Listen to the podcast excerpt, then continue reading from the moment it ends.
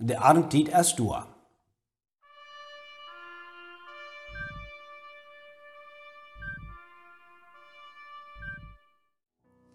Welkom te leven met God. In deze tijd wordt in manche landen op de de arm aangebracht. En dat is algemeen voor de forma een besonders vroege tijd. Ze zijn door dat al de arbeid wat ze deze jaar geleerd hebben, zich geloond heeft. En dat zij een goede arm gekregen hebben. Der Herr Jesus die sagt an Markus Kapitel 4, Vers 29, wenn dort Getrei rieb ist, dann lässt er dort Fuß aufheben, weil das ist die Zeit in der Ersten. Das Wort ist uns vielleicht nicht mehr so bekannt, aber das meint einfach Ernte. Und das ist eine ganz besonders gesehnte Zeit, wenn wir sehen, dass Gott dat je trä gesehen hat und dat eine Ernte geschenkt hat und dass wir dadurch wahre Nahrung haben. Wir leben ja von dort, wo Gott wachsen lässt. Der Herr der hat dafür gesorgt, dass die Kuren, die Kraft haben, äh, ein zu wachsen und dann auch eine Stüte zu bringen und zu lassen Frucht bringen. Als Jesus aber irgendwie, dann redet er manchmal von der Armt. Er braucht verschiedene Beispiele dazu. Wenn wir eine Bibel checken, dann sehen wir dort Menschen immer davon abhängig gewesen sind. Von der und Tag, viele Menschen kennen kaum noch eine Form und wissen noch nicht so recht, wo dort alles hergestellt wird. Aber wenn mal ein Jahr an der ganzen Welt äh, Arm utbleiben soll, dann wird dadurch eine Hungersnot auffangen. Weil die Welt ist im Großen und Ganzen nicht so viel bedacht, als äh, Josef zu seiner Zeit in Ägypten war, wo er die drei abgesammelt hat vor sieben Jahren. Und als die sieben Jahre kamen, wo keine Arm war, dann wären sie doch versorgt. So geht es wie von der nicht auf. Wir brauchen jeder Jahr eine Abend.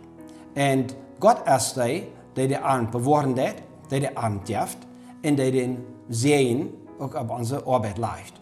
Und dafür soll wir immer anerkennen, dass wir Gott dafür den Dank schuldig sind.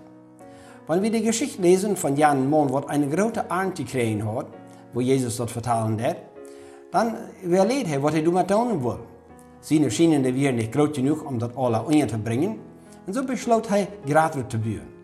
Und das war ein glücklicher Gedanke. Er wollte Ernte nicht ankommen lassen. So, er äh, baut gratis Spickers, um das alle unterzubringen.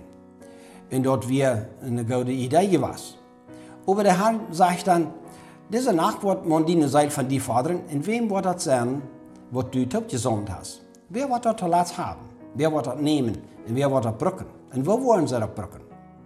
Dort sind dann Frauen, die kommen. Und wir müssen nur daran denken, dass wir für die Abend, der Gott uns darf, dankbar sein sollen. Das Morgen, wenn wir die Geschichte lesen, redet immer bloß von sich.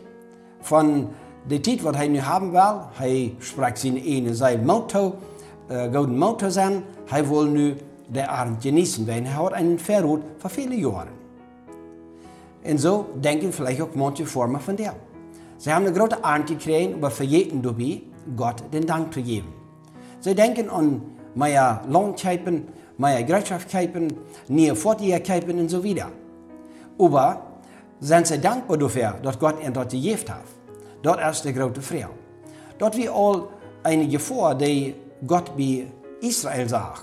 In 5. Mose 8 verstehen lesen wir, je worden genug haben zum Sort eten, und je worden dem Herrn jünen Gott loben für das gute Land, das er jünt gegeben hat. Wenn wir diesen Vers in der Lutherbibel äh, lesen, dann, dann ist das mehr eine Aufforderung. Wenn je jün Sort gegeben haben, dann soll je nicht verjeten, Gott zu danken für das gute Land. Wir müssen Gott dafür danken, weil er uns das gegeben hat. Der Mensch, der kann die Sud in die Erde bringen, der kann die Erde bewässern, aber er kann nicht den Wind schaffen, der nötig ist, um dort die Ohren befruchtet werden. Er kann aber keinen Sonnenschein geben, der nötig ist, um die Erde zu wärmen, um dort die uh, Kuren kennen wird und abgehen.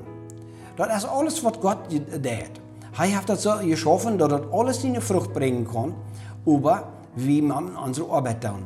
Und wenn er uns dort gegeben hat, dann sollen wir ihm auch dafür danken. Die andere Sache, was uns zu Frage kommt, wenn wir eine Arm gekriegt haben, ist, was tun wir damit? weil wir uns bloß selbst berechnen?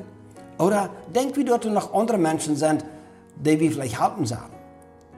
Gott gibt uns manchmal Dinge, omdat wir andere Menschen die können, omdat andere mogen geholpen worden. Eine Früh ging verlängerte Gas und sagte ein umgekleidetes Kind. In een ihre Gedanken frug sie Gott, warum hij nicht für das Kind deed? Nur eine Zeit, dann wird sie sterben, dann, wie aus van de harte als zijn, ich habe was doen für das Kind. Ich habe die geschafft und ich habe die de middel gegeven das Kind zu halten. Du sind Menschen auf dieser Erde, wat er halb fehlt. Und wie sollen die auch halten? Wenn Gott uns eine gute Ernte gegeben hat, dann sind wir schuldig auch, das wieder zu geben. Und dort wird der große Fehler, wie diesen Rick Mann, der eine große Ernte gekriegt hat. Er dachte an keinen anderen, er dachte bloß an sich. Aber das ist noch ein, wo wir an denken müssen, wie die Ernte. Und dort ist dort zu laat, wie Menschen auch eine Ernte sind. Der Herr Jesus, der redet davon, dass die Ernte ist dort eng von der Welt. Und dann wird angebracht worden. Die Kuren und die Specker und die Spree, die wird verbrannt worden. Und wenn wir nicht zu den Kuren gehören, wird an Gott seine Schienen angesammelt wird, dann wird der Feind uns entarten. Jemand wird uns haben für die Ewigkeit. Aber wir wollen dafür sorgen, dass wir eine gute Art sind für den Herrn.